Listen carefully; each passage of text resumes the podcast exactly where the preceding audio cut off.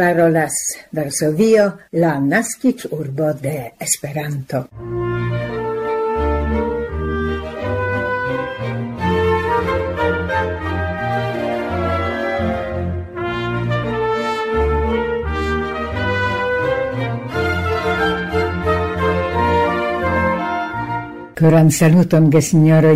Estas agrable bonvenigi vin en la 1200-oca elsendo el Varsovio la dec quinan de novembro 2022. Bonvenigas vin Barbara Pietrzak, Milada Szwedo kaj Maciej Jaskot, proponante aktualaĵojn sciencan rubrikon, ci foje pri pliej esploroi, rilate la dormo funkcion. Hodiaŭ ni denove renkontiĝas en la literatura segmento de la programo, en kiu aŭdiĝas la cent tridecunua fragmento de la romano de Henrik Sienkiewicz Quo vadis en la Esperanto traduco de Lidia Zamenhof. La programon komencas aktualaĵoj.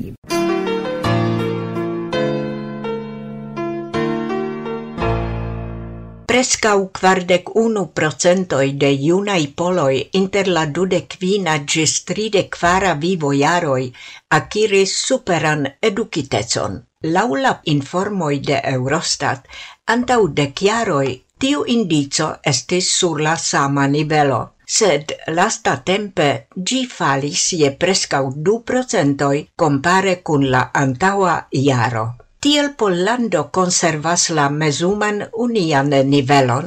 Multe pli bone la situazio aspectas en Luxemburgio, kie universitatan diplomon havas prescau 63% de sam agiai personoi au en Irlando, kie pri la universitata diplomo disponas prescau 62% de junuloi en la agio de 25 ĝis 34 jaroj la unia landoi kiel celon premisis pli altigi la nombron de siai dude quin tride quariar agiai civitanoj kun altlerneja diplomo cis quarde quin procentoi en du mil tridek. Prescau duono de la membro statoi iam atingis tiun celon. Temas pri Luxemburgio, Irlando, Kipro, Litovio, Nederlando, Belgio, Francio, Svedio, Danio, Hispanio, Slovenio, Portugalio kaj Latvio.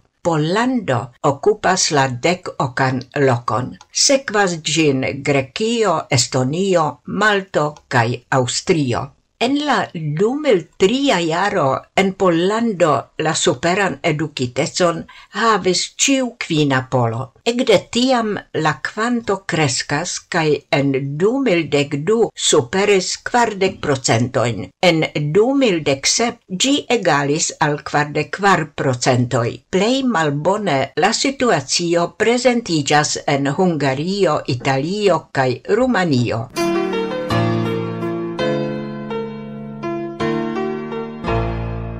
unu el la plei prestigiae scienzae centroi in la mondo, Stanford Universitato, kunlabore cun la Eldoneo Elsevier cae la firmao SciTech Strategies prilaboras ĉiujare la rangoliston top de 2% de la plei influpovai sciencistoi. Gi pritaxas la sciencajn atingajoin de unuopaj esploristoi en ĉiuj scienzo brancioi lau bibliometra indexo antaue definata kiel la statistika bibliografio. La rangoliston havas nomoin de sciencistoj kies publikaĵoj estas plej ofte citataj de aliaj aŭtoroj. Stanford Universitato pretigas du rangolistojn. La lastaj concernis la tuton de la sciencista kariero de la concerna esploristo gis la fino de 2021 cae la kvanton de citajoi dum la kalendara iaro do 2021. Inter la electita grupo trovigas naudec tri esploristoj ligitaj kun la Jagelona Universitato en Krakovo. Ili representas interalie curacistan, chemian facultatoin, facultaton de fisico, astronomio cae applicata informatico, facultaton de biochemio, biofisico cae biotecnologio, farmacian facultaton.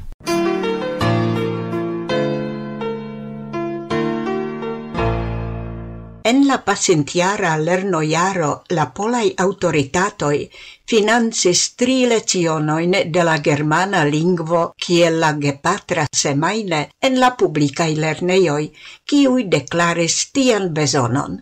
Laula postulo de deputitoi de la partio Juro ca Justezo, en la budgeto por 2022 tiui rimedoi estis malgrandigitai je tridecnau milionoi da zlotoi, pli ol ok milionoi da euroi. Inter la argumentoi favore al citiu decido estis manco de simetrio inter Pollando cae Germanio concerne la tractadon de malplimultoi en ambau landoi. Dum la germana malplimulto ricevas financan helpon el la pola stata budgeto, la federazia registaro de Germanio elspezas nec unu euron por la instruado de la pola lingvo kiel la gepatra alla vivanta en Germanio pola malplimulto kaj poloi prescau du milionoi da personoi. Lasta tempe la germana parlamento attribuis el la stata budgeto quin milionoin da euroi kiel helpon por instrui en Pollando la germanan kiel la gepatran. Reference al tiu informo cae reference al sia visito tiu contexta en Germanio, la pola cleric ministro Przemysław Czarnek memorigis, kiel informis Pola Radio, che Pollando ciuiare destinis ducent quardec milionoin da zlotoi por la instruado de la germana kiel la gepatra. Tio estis ambau flanca devontigio, resultanta el la du flanca tractato de Pollando cun Federazia Respublico Germanio. Tiun devontigion Germanio de tridec jaroi gis nun ne realigis.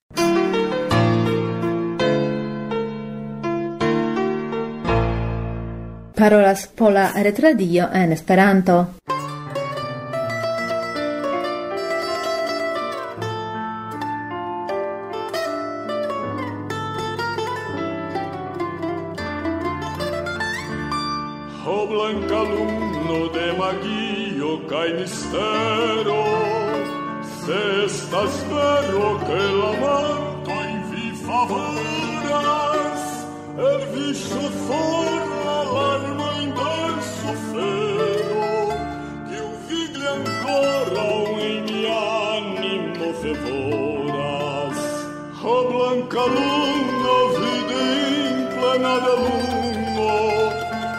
la sonula feroidente la forundo Cae mia brusto al sciroforo agnoro O veno al mi cae verso patson sur mi ancoro Chion da foio e in l'alto vitineris Tra la plan stellita il voglio ser del serfino bela nuvem de lua peris.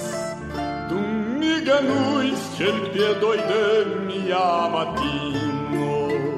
Cai și cai tineme, cai hontene Cai dolci ai chisui an mi donis oferene Să ci forere și forare alunno savonite tia destin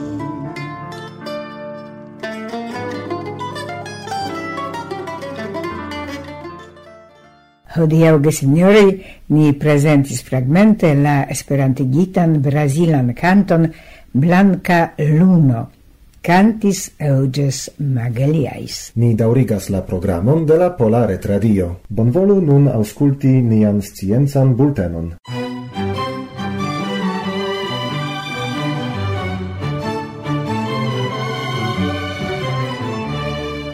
De longe estas sciate che dum la dormo ocasas procesoi eligitei con lernado cae memoro. Neurologo Anna Shapiro, Dairia Sink cae Kenneth Norman el la Princetona Universitato creis calcul modelon basitan sur neurona reto, kiu ebligis al ili enrigardi la lerno proceson dum la dormo. Tiu modelo elmontris, kiel unu cerbosfero influas, instruas la alian en la condicioi ciam ne venas impulsoi de la extera mondo. La esploristoi malcovris che dum la dormo la hippocampo instruas la novocortexon tion, kion gi exis dum tage. Nome en la dauro de la dormo nia cerbo circa quin foioin nocte transiras de la fazo no ro emo al ro emo Kai tiam la hippocampo peras alla nov corteo novain informoin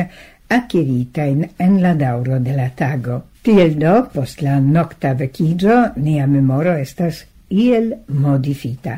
La esploristoi construis modelon consistantan en hippocampo la cerbosfero respondeca pro la acquirado de novai informoi, cae nov cortexo, en kiu ocasas interalie procesoi rilatei al lingvo conscio cae longdaura memoro. La modelo elmontris che dum la faso noro emo la cerbo sub la guido de hippocampo cefe foliumas la plei novain eventoin cae donitajoin. En la faso ro emo activiras mal pli novei rememoroi conservatai en nov corteo ambau cerbosferoi komunikiĝas en la fazo noro-emo. Tre grava estas tiu connect ligo inter ambau fasoi, char ciam la novkorteo ne havas ŝancon recrei la informojn, kiujn gistocas, ili estas anstatauitai. Lausink, por creido de longdaurei memoroi, estas necessa connect ligo inter la du dormofasoi. La presentitei gis nunai esplor resultoi devas esti confirmotai experimente, cer scientistoi sien simuladoin limigis al plencresca persono quiu spertis bonan noctan dormon. Tiui resultoi ne devas esti verai, exemple, rilate al infanoi cae plencresculoi quiui ne giuis bonan noctan dormon. Tamen la applicita modelo kiun eblas adapti al diversei situatioi cae personoi, povas evidentigi tauga en pliai esploroi ligite cun la dormo problemoi. En pli longa perspectivo, gi servos al esploroi pri psicae cae neurologiei statoi, en cui uno el la simptomoi estas la dormo perturboi.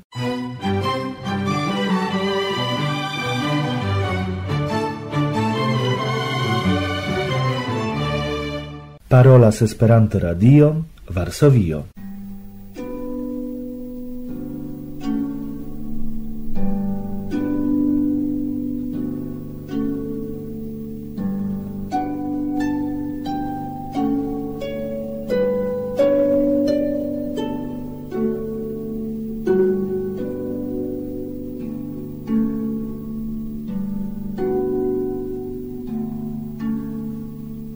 trovadis de Henrik Sienkiewicz en la Esperanto traduco de Lidia Zamenhof. La cent tridecunua fragmento. Unu vesperon visitis Petroniuson senatanos Cavinus, cae comencis con li longan interparolon pri la malfacila tempo en kiu ambau vivis, cae pri la Cesaro. Li parolis tiel malcasre, che Petronius, quancam estante en amicei rilatoi con li, comensis esti singardema. Li plendis, che la mondo iras malrecte, cae frenese, cae che cio tio cune devas finigi per ia catastrofo, pli terura ec ol la brunego de Romo. Li parolis che ec la Augustanui estas malcontentei, che Fennius Rufius, la dua prefecto de la pretorianoi, el portas plei contrauvole la abomenan regadon de Tigalinus, cae che la pacienzo de la tutagento de Seneca estas el cerpita pro la maniero en ciu la Cesaro condutas al sia maliuna maestro cae al Lucanus. Fine li comencis mencii la malcontentezon de la popolo cae ec de la pretorianoi, ciuin en granda parto Fenius Rufius sciis favorigi al si. Kiel vi diras al mi citium? demandis lin Petronius. Prozorgemo pri la Cesaro, respondis Cavinus. Mi havas en la pretorio malproksiman parenzon, kiu nomas sin Scavinus same kiel mi, kaj per venimis ni mi scias, kio okazas en la tendaro. La malcontentezo crescas ancau tie. Caligula vido anca estis freneza, cae rigardu, cio casis. Ien trovigis Cassius Haerea, terura fero tio estis, cae sendo bestas interni neniu, ciu tion aprobus, Tamen Haerea liberigis la mondon de monstro. Alivorte, respondis Petronius, vi parolas tiel, mi Haerean ne laudas sed tio estis bonega homo, cae la dioi donu al ni pli multae da similai. Sed Scavinus shangis la temon, cae comensis natendite glori pison. Li gloris lian genton, lian noblecon, lian sindonon alla zino, cae fine lian sagecon, tranquillecon, cae strangam capablon inclinadi al si la homoin. La Cesaro estas sendia, li dis. kaj ciui vidas lian sekvanton en Piso. Sendube ciui ancau helpus lin tutkore atingi la regadon. Amas lin Fenius Rufius, la cento da anneusoi estas el ni plene sindonema. Plautius Lateranus cae Tullius Senecio saltus pro lien fajron, same Natalis, cae Sobrius Flavius cae Solpitius Asper, cae Atranius Quintianus, cae et Vestinus. La lasta ne multe utilos al Piso, respondis Petronius. Vestinus timas la propran ombron, sed li estas homo brava, cium oni prave volas nomi consulo. Cai, se en la animo li estas contra la persecutado de la cristanoi, ne malbon calculu al licition, char ancau al vi gravas che tiui frenesajoi cessu. Ne al mi, sed al Vinicius, diris Petronius. Pro Vinicius mi volus savi un knabinon, sed mi ne povas, char mi perdis la favoron de Ahenobarbus. Kiel do? Ču vi ne rimarcas che la Cesaro de nove proksimiĝas al vi cae comenzas cun vi paroli? Cae mi diros al vi kial. Nome li planas denove iri ahajon, kie ni intensas canti grecain cantoin, de li mem componitain. Li flamas al tiu voyaggio, sed samtempe tremas, pensante pri la mocemo de la grecoi. Li imagas che povas l'intrafi au plei granda triunfo, au plei granda falo. Li besonas bonan consilon, cae li scias, che neniu capablus el ni consili pli bone ol vi. Ien la causo pro ciu vi reaciras la favoron. Lucanus povus min anstataui. La curbo barba malamegas lin, cae verdicis al li morton en l'animo. Li sertas nur pretexton, cer li ciam sertas pretextein. Lucanus comprenas che necessas rapidi. Ia castoro, diris Petronius, povas esti. Sed mi havus ancora unu rimedon por baldau raciri la favoron. Cian? Simple ripeti alla cupro barba cition, cion vidis antau momento. Mi nenion diris, ekkriis Kevinus maltrankvile. Sed Petronius metis la bracon sur lian ŝultron. Vi nomis la Cesaron frenezulo. Vi antelvidis la postvenon de Pisso, cae diris Lucanus comprenas che necessas rapidi. Cun tio violas do rapidi carissime. Scevinus paligis cae dum momento ini rigardis sin reciproca in oculoin. Vi ne ripetos. Iel la coxoi de Cipriam, kiel vi bone min conas?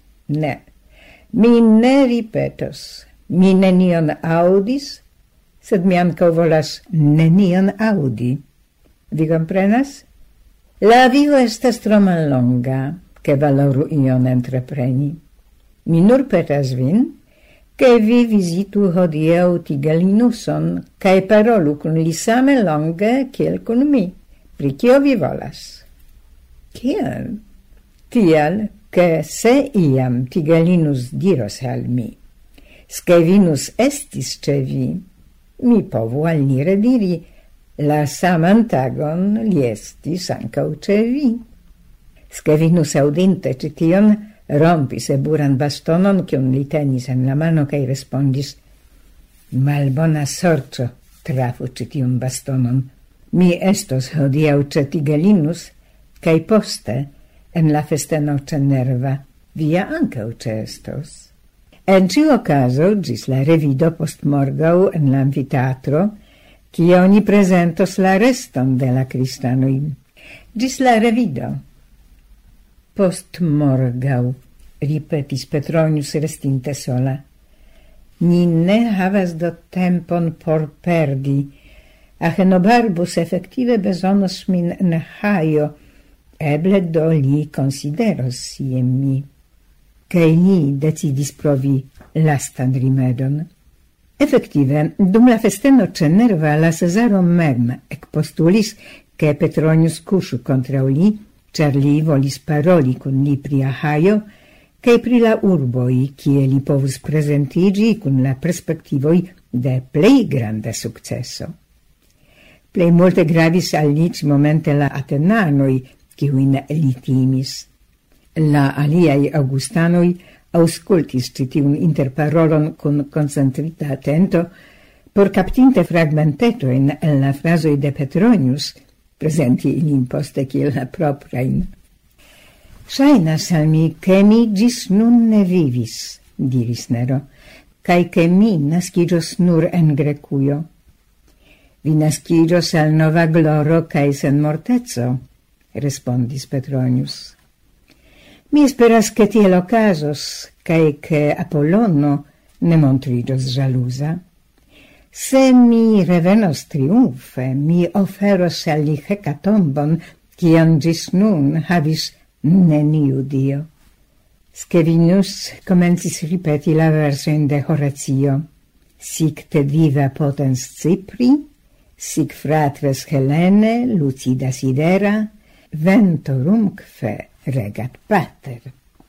La scipo attendas iam Napolo, diris la Cesaro, mi volus aciri ec morgau. Tiam Petronus levis sin, cae rigardante recte en la oculoin de Nero diris, permesu dia che mi antaue arrangiu ezigian festenon, al ciu mi invitos antau ciui vin. Ezigian festenon? Chies?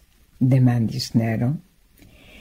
De Vinicius, cum la filino de la Liga Regio, via garanti Ulino, si esas nun vere en malliberejo, sed unue, kiel garantiulino, si ne povas esti malliberigata, cae due vi mem permesis al Vinicius edzinigi ŝin.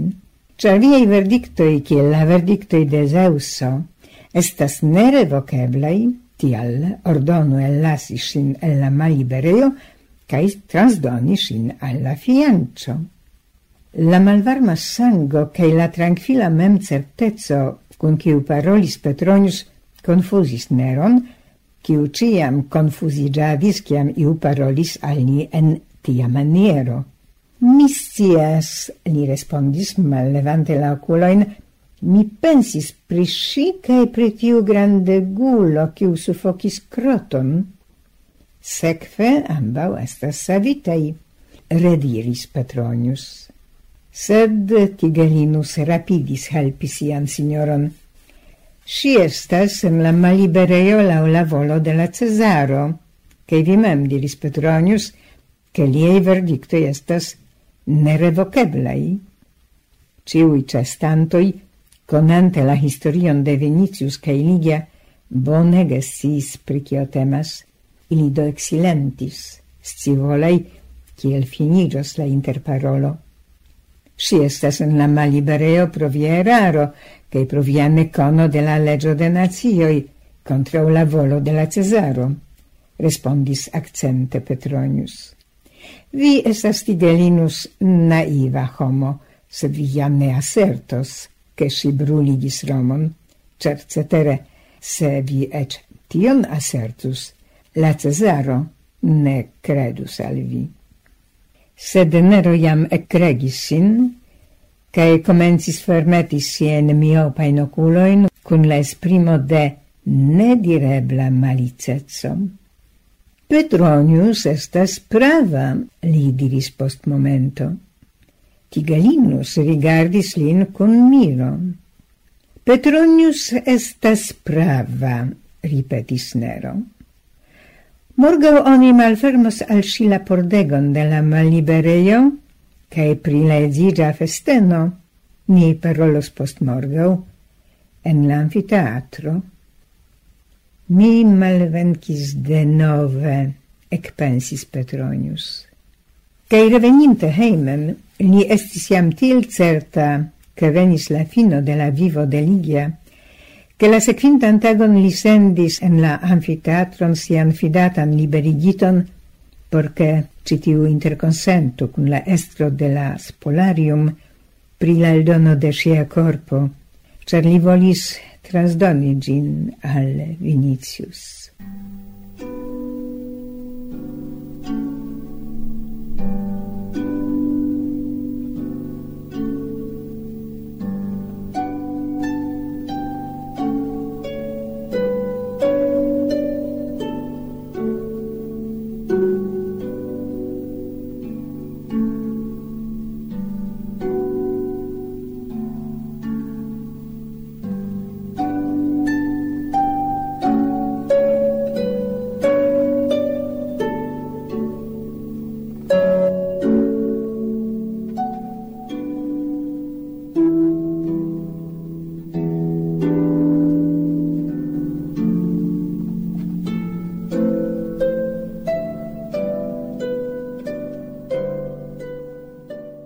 Cae tiele ni proximigis, gesignoroi, alla fino de nie mil ducent oca esperanto esendo el Varsovio, se gi placis al vi, reagu, sendante viein rimarcoin cae opinioin, cae subtenante nian laboron ce nia UEA conto Vars Strecoto.